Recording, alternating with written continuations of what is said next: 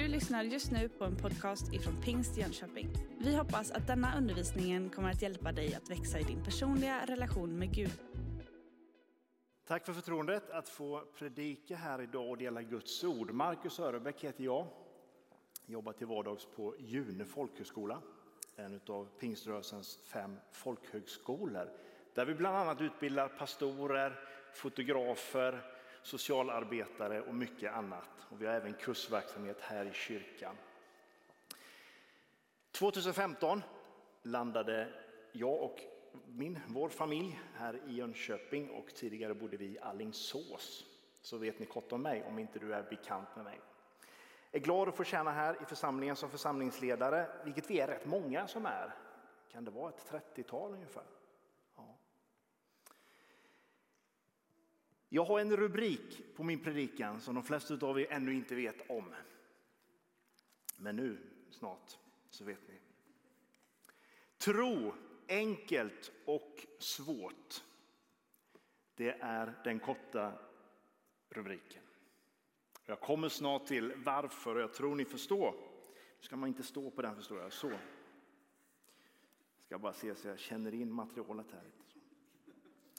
Nej, så här var det jag lyssnade på ett vinterprat på P1, så gammal är jag, här under mellandagarna. Och jag hörde att Antje Jacklén, ärkebiskop för Svenska kyrkan, hon upplyste oss om att 80 procent av alla människor i världen uppfattar sig själva som troende. Det är rätt många. 50 procent av dem bekänner sig som kristna eller muslimer. Att så många som 80 procent räknar sig som troende är ju för mig ett intyg av att tro är av stor betydelse för många människor. Det skapar mening, det skapar tillhörighet, det skapar hopp för åtskilliga miljoner och miljarder människor. Tro gör man i kyrkan, så sa man till mig när jag gick i skolan. Och man ville vara lite taskig mot mig. Eh, ni vet, man hade använt tro i någon betydelse. Jag tror han sa så här och då fick man bara för att man var kristen till sig. Du tror gör man i kyrkan. Ha, ha, ha. Och så tänker jag, så fel de hade. Tro är ju för många av oss något vi gör 365 dagar om året. Både de dagar som är svåra och de dagar som är lite ljusare. Vi är många, skulle jag vilja säga, här inne som rätt tidigt kom i kontakt med tron på Gud och tron på Jesus Kristus. Vi lärde oss att be aftonbönen. Vi fick i söndagsskolan höra om att Jesus gick på vattnet, uppstod från de döda och det var enkelt att tro. Vi växte in i en trygghet att Gud finns. Kyrkan blev ett hem. Men så kan vi titta oss runt idag och så märker ju jag som du att en del människor lämnade kyrkan och ibland också tron. Som vuxna fick en del problem med tron. Eller var det problem med kyrkan? Vad gör jag och vad gör du de där dagarna då tron inte är självklar? Eller när tron inte känns? Hur möter jag mina tvivel, mina grubblerier? Kan det vara så att människor ibland lämnar kyrkan för att de tror att de inte tror? Rubriken Tro enkelt och svårt, det är för att så olika kan tron uppfattas av oss som sitter här. Enkelt säger du, någon annan säger oerhört komplicerat och någon annan säger både och.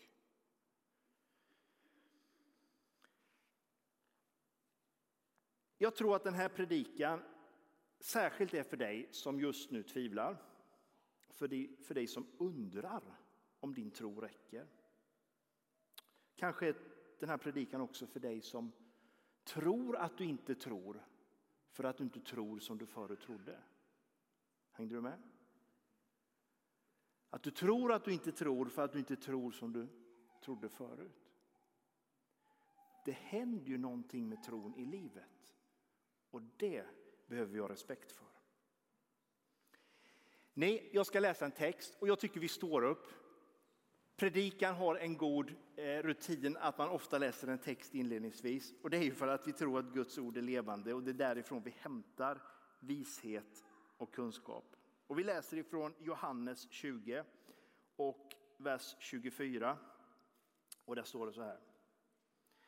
Thomas, en av de tolv, han som kallades Tvillingen, hade inte varit med dem när Jesus kom. De andra lärjungarna sa nu till honom, vi har sett Herren.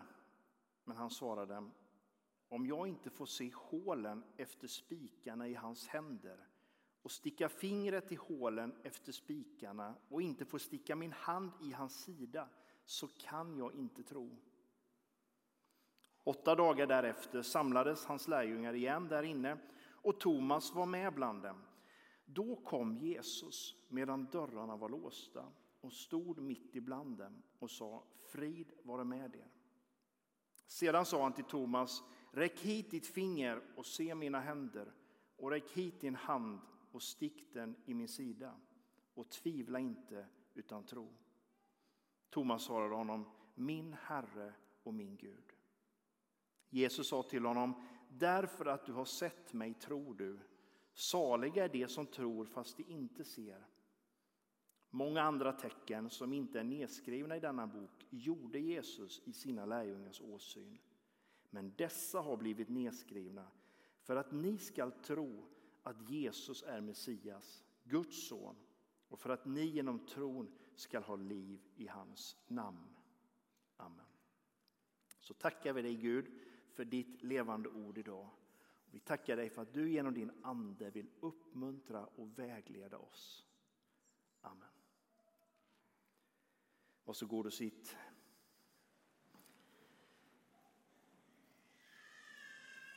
Thomas vänner, de andra lärjungarna, hade en vecka tidigare varit samlade före den här texten och Jesus hade kommit genom låsta dörrar, uppstånden från de döda och så hade han varit mitt ibland dem. Varför Thomas inte var med då, det vet vi inte så mycket om.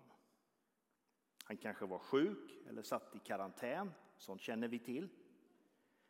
Eller hade han någonting annat för sig? Jag tror faktiskt inte att han frivilligt ville avstå den här samlingen.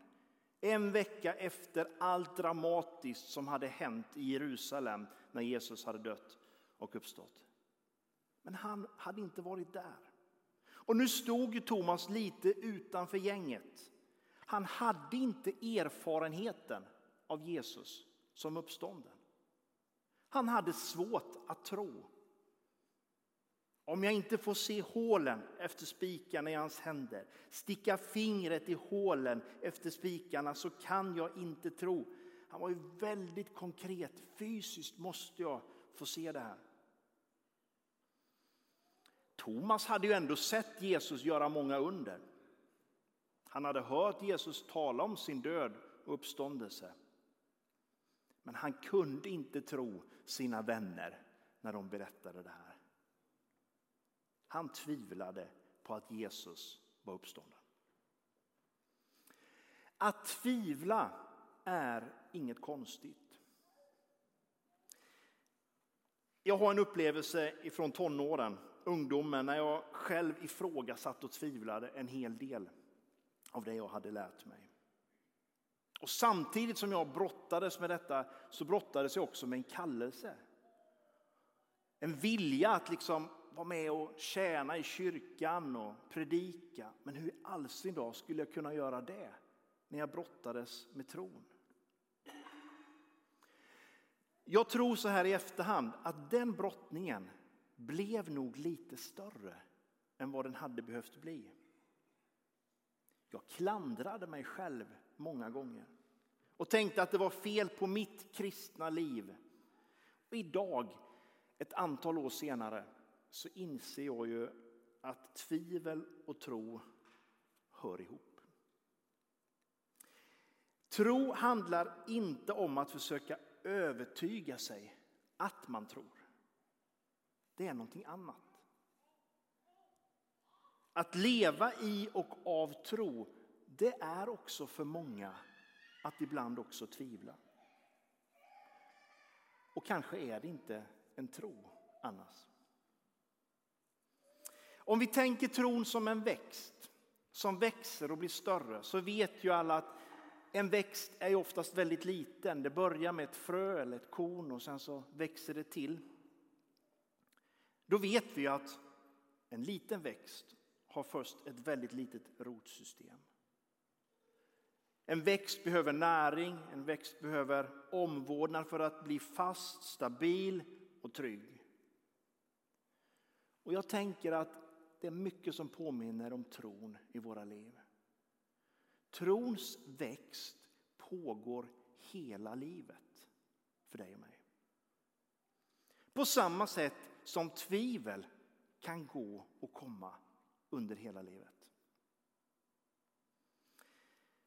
Någon klok människa har uttryckt att tron, eller så att tvivel, det är lite som andlig växtverk.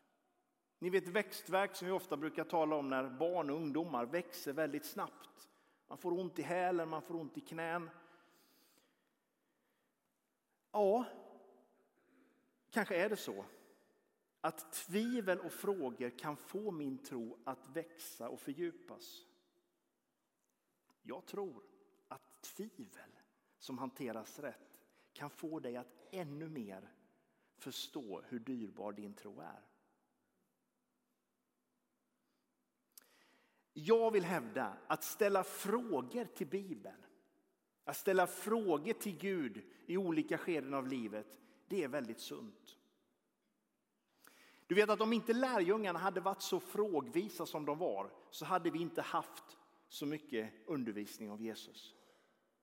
Om du går några kapitel tidigare här, Johannes 14, så märker vi att Thomas är en av de där frågvisa människorna. Jesus har börjat berätta om att han ska gå dit de inte känner till och gå till ett annat ställe. Han ska alltså gå till himlen. Men Jesus, Thomas fattar inte det här. Så han ställer frågan där i vers eh, 5. Herre, vi vet inte vart du går. Hur kan vi då känna vägen? Och så svarar Jesus. Jag är vägen, sanningen och livet. Ingen kommer till Fadern utom genom mig. Alltså tack vare Thomas fråga så fick vi en av de mest centrala undervisningsdelarna i Bibeln. Dina och mina frågor är inte någonting som vi bara ska stryka över och känna att det där ska vi nog lägga locket på. Tvärtom, dina frågor kan vara någonting som hjälper dig att upptäcka någonting mer av vem Gud är. Vi uppmanar ju våra barn, våra studenter, våra elever. Fråga, fråga, fråga. Det är det bästa sättet att lära sig. Och samma sak är det med tron. Det finns inga dumma frågor. Jag kan säga att jag har ställt många frågor i mitt liv, både i Bibeln och inte minst när man brottades och läste teologi och, och sådana där delar lite mer tidigare. Och jag har ställt rätt många frågor från mig själv som privat över min egen vandring i livet. Och jag känner att ibland så har ju Gud visat och jag har fått uppleva, Herre det var så du tänkte. Det var så du menade. Men sen ska jag vara ärlig också att det finns ett antal gånger då jag har kommit till det där att Nej, men här får jag bara kapitulera. Här vet inte jag Gud vad du tänker. Varför tillät Gud att sex miljoner judar dog i förintelsen under andra världskriget? Är det någon som kan svara på det? Varför lät Gud inte det där undret ske som vi så intensivt bad om i kyrkan eller i familjen? Varför tillåter Gud ett antal hinder som jag upplever på min väg. Och så har jag ju försökt att hitta alla de där svaren. Och jag har blivit hjälpt av ett antal svar. Jag menar, hela världen ligger i den ondes våld. Människan gick fel från början. Eh, det finns ett antal, antal sådana saker som vi kan känna att här finns det perspektiv. Vi väntar på det fullkomliga. Guds rike här men ändå inte. Det är många bra svar som kan vidga perspektiven. Men jag kan säga att ibland så räcker inte det där och jag måste kapitulera.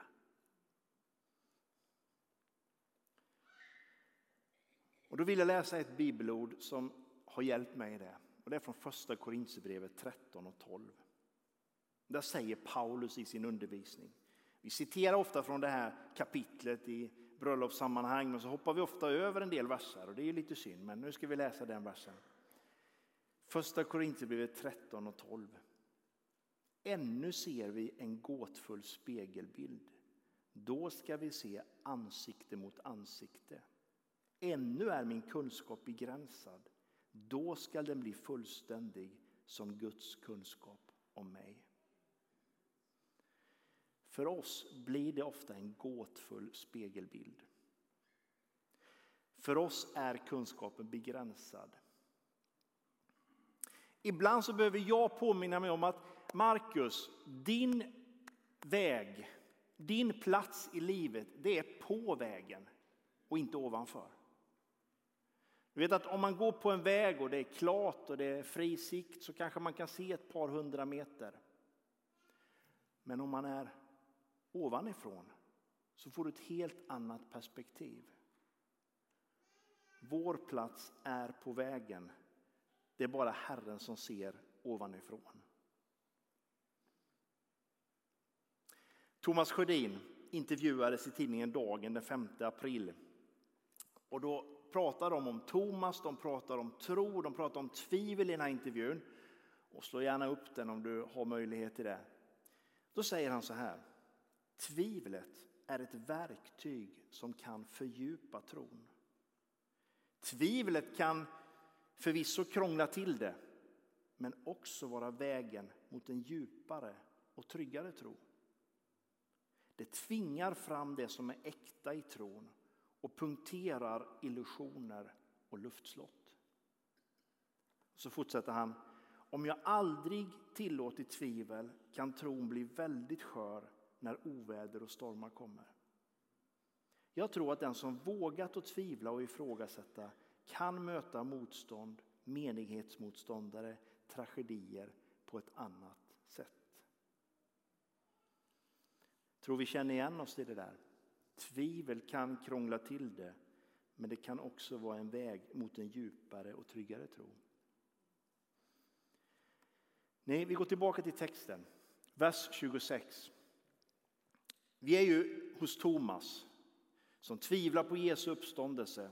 Och så står det åtta dagar därefter samlades hans lärjungar igen där inne och Thomas var med bland dem. Vi stoppar där. I åtta dagar hade Thomas fått leva med sina tvivel. En del av oss får leva längre med tvivel. Men i en vecka vad hände de här dagarna egentligen i Thomas liv? Vad tänkte Thomas? Hur mådde han? Jag kan tänka mig att han var rätt besviken på Jesus. Alltså Jesus, här uppenbarar du dig från de döda och du kommer vid tillfället då jag inte är med. Han kanske var besviken på sina andra, eh, alltså sina vänner, sina lärjungar. Varför kom de inte och hämtade mig? Varför sprang de inte till mig? Här händer världens grej. Vi har väntat på detta. Och så säger de inget där och då. Kanske hann de inte. Men han hade säkert tyckt att de skulle agerat på ett annat sätt. Varför tänkte ingen på honom? Thomas valde i alla fall att vara med åtta dagar senare när de träffades. Och det var ju tur. Det var bra. Trots besvikelse och tvivel som kunde ha gjort att han kände att jag stannar hemma nu. Jag är inte med i det där gänget längre. Och då känner jag att det där är ju kopplat till din och min situation i kyrka och församling 2022. Alltså genom tro och tvivel så önskar jag ju att kyrka och hemgrupper och allt vad det är som vi har fick vara en plats där jag alltid kände att jag kunde vara med. Att jag kan komma som en tvivlande gammal kristen till kyrkan. Känna att här får jag plats. Ingen tittar snett på mig om jag har, idag kanske faktiskt har svårt att vara med i bönen, i sången eller i bekännelsen. Församlingen är en plats där vi bär varandra oavsett hur mycket eller lite tro vi kommer med. Och därför vill jag för att förtydliga det här bara säga att till kyrkan är du välkommen som tvivlar. Som kanske är i en skeptisk period där du frågasätter allt som tidigare varit självklart. Vi behöver dig. Kyrkan är en plats för dig. Till kyrkan är du välkommen som upplever att tron idag är väldigt enkel och okomplicerad. Du har erfarenhet, kanske nyligen, av starka andliga upplevelser. Du känner det enkelt att lita på Guds löften. Vi behöver dig. Kyrkan är en plats för dig. Till kyrkan är du välkommen som känner att tron den har på något sätt luttrats över tid. Det har varit enkelt och varit svårt och nu känner du att någonstans förtröstar du i Guds storhet. Vi behöver dig. Kyrkan är en plats för dig. Och kyrkan, dit är du välkommen som ännu inte tror. Eller som inte vet om du tror längre. Alltså här i kyrkan så tänker jag att här bedömer vi inte varandra utifrån hur tron ser ut i våra liv. Och vi säger inte att något är bättre eller sämre. Det finns en respekt för varandra och våra olika livsresor. Äktheten, det du kommer med, det är viktigt. Jag tror det är Magnus Malm som brukar tala om det ofta, att allt som är äkta, det är en kontaktyta mot Gud. Äktheten, sanningen i våra liv. Var rädd om det. Men så händer ju detta att åtta dagar senare så kommer återigen Jesus när dörrarna var låsta. Och han gör på samma sätt. Det kan man ju fundera över varför han gör. Han säger precis samma sak, frid vare med er, han går genom låsta dörrar. Och Jesus den allvetande Naturligtvis så vänder han sig till Thomas, för han vet att Thomas har ställt frågorna. Och så inbjuder han honom att sticka händerna i hans sår och i hans sida. Han ville att Thomas också skulle tro. Det var Jesu högsta önskan när han kom den här dagen. Vers 27-28. Sedan sa han till Thomas, räck hit ditt finger och se mina händer och räck hit din hand och stick den i min sida och tvivla inte utan tro. Thomas svarar honom, min Herre och min Gud. Och jag tänker att det är i den där hälsningen från Jesus som tron föds på nytt i Thomas liv. Vidrörandet av Jesus sår ger Thomas hopp ger Thomas tro och ett inre helande. Profeten Jesaja säger genom hans sår är vi helade. Det här är ett exempel på det bokstavligt.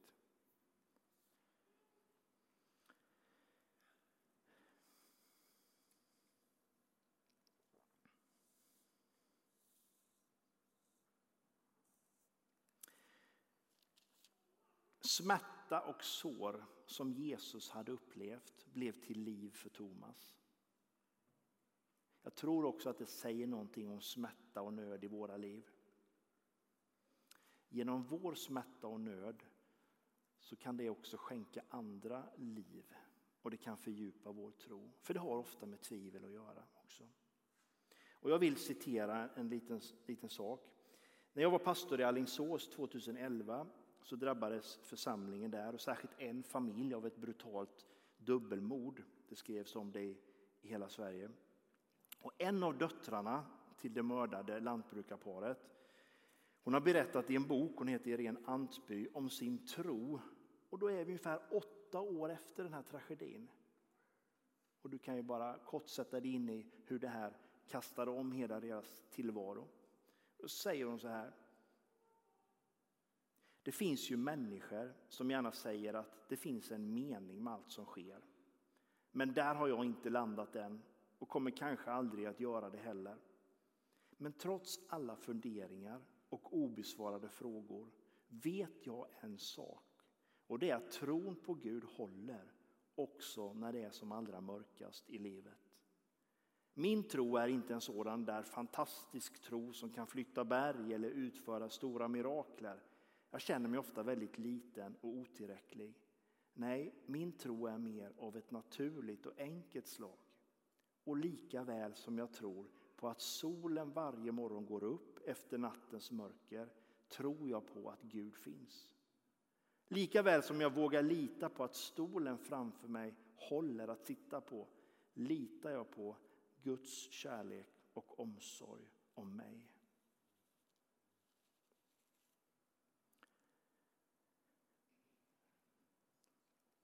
Jag tror det finns helande i oavsett vilket mörker som du är i. Om det så är tvivel eller andra saker. Och jag tror att Jesus utifrån den här, ni får ta den här metaforen då, alltså när han står där med sina hål i fingrarna och, och svärdet som var stucket i hans sida så inbjuder han dig och mig till hans egna kamp och säger att det var för, för dig som jag dog. Det var också för dig som jag kom en andra gång till Thomas, till lärjungarna för att bevisa min uppståndelse och vem jag är. Det var för dig och mig han gjorde precis samma sak. Och så brister Thomas ut i den här bekännelsen. Min Herre och min Gud. Och där tror jag att det, var, det, fanns ingen, det fanns ingen tvivel kvar hos Thomas. Inte ett dugg. Min Herre och min Gud. Jag skulle vilja uppmuntra dig att bekänna det du kan bekänna. Ta inte större ord i din mun än du vill. En lågmäld bekännelse, en viskning, en vilja. Allt det där kan vara vägen till större tillit till Gud. För mig så är Thomas, slutligen här, han är en väldigt modig man. En modig lärjunge. Som vågar ställa frågor när han inte förstår som vågar tvivla när han inte kan tro, men också som vågar bekänna när han fylls av tro. Vers 29. Jesus säger, därför att du har sett mig tror du. Saliga är de som tror fastän de inte ser.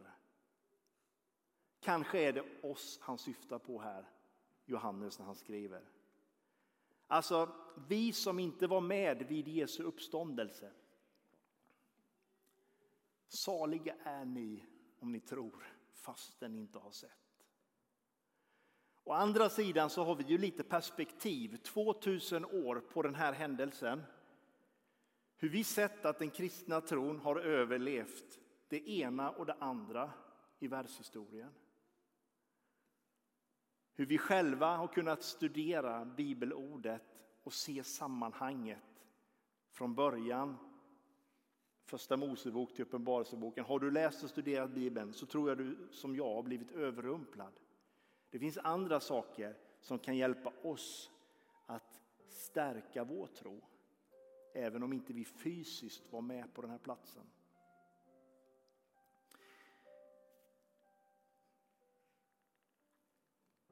Det finns en anledning till att Jesus talar om tro som ett senapskorn. Han tar det som ett exempel vid ett tillfälle. Du vet, senapskornet är det där minsta av alla korn. Och eh, det är min hälsning till dig idag att din tro räcker oavsett hur liten den är.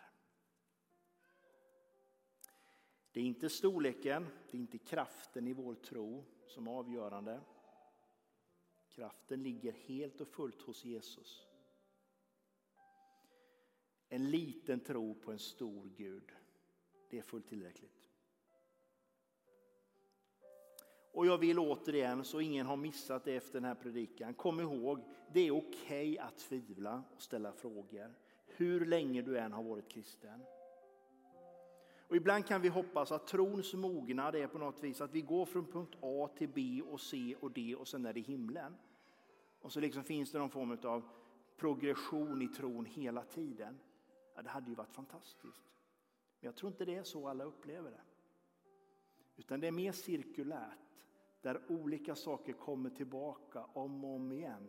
Och vi får olika tider, olika faser i livet. Att faktiskt också ibland kämpa med det där som är det svåra i livet. För mig ger den här texten om Thomas så otroligt mycket hopp. Den skapar möjligheten att leva både i tro och tvivel. Och eh, att på nytt, som Thomas fick göra, ta de här orden i sin mun. Min Herre, min Gud. Och så kom Jesus den där andra gången bara för att Thomas skulle få vara med. Bara för att Thomas skulle få uppleva helandet. Tron i sitt liv. Och texten avslutas med för att ni genom tron ska ha liv i hans namn. Amen. Tack Jesus för att Thomas är omnämnd i Bibeln att han fick vara med och fick det här utrymmet i Johannes evangeliet. Tack att vi får spegla våra liv i detta. Och Herre, rör vid det som är innerst i våra liv den här söndagen. Och hjälp den människa som särskilt behöver din nåd idag. Amen.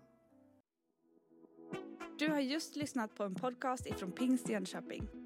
För att få reda på mer om vilka vi är och vad som händer i vår kyrka så kan du gå in på pingstjonkoping.se eller följa oss på sociala medier via pingstjkpg.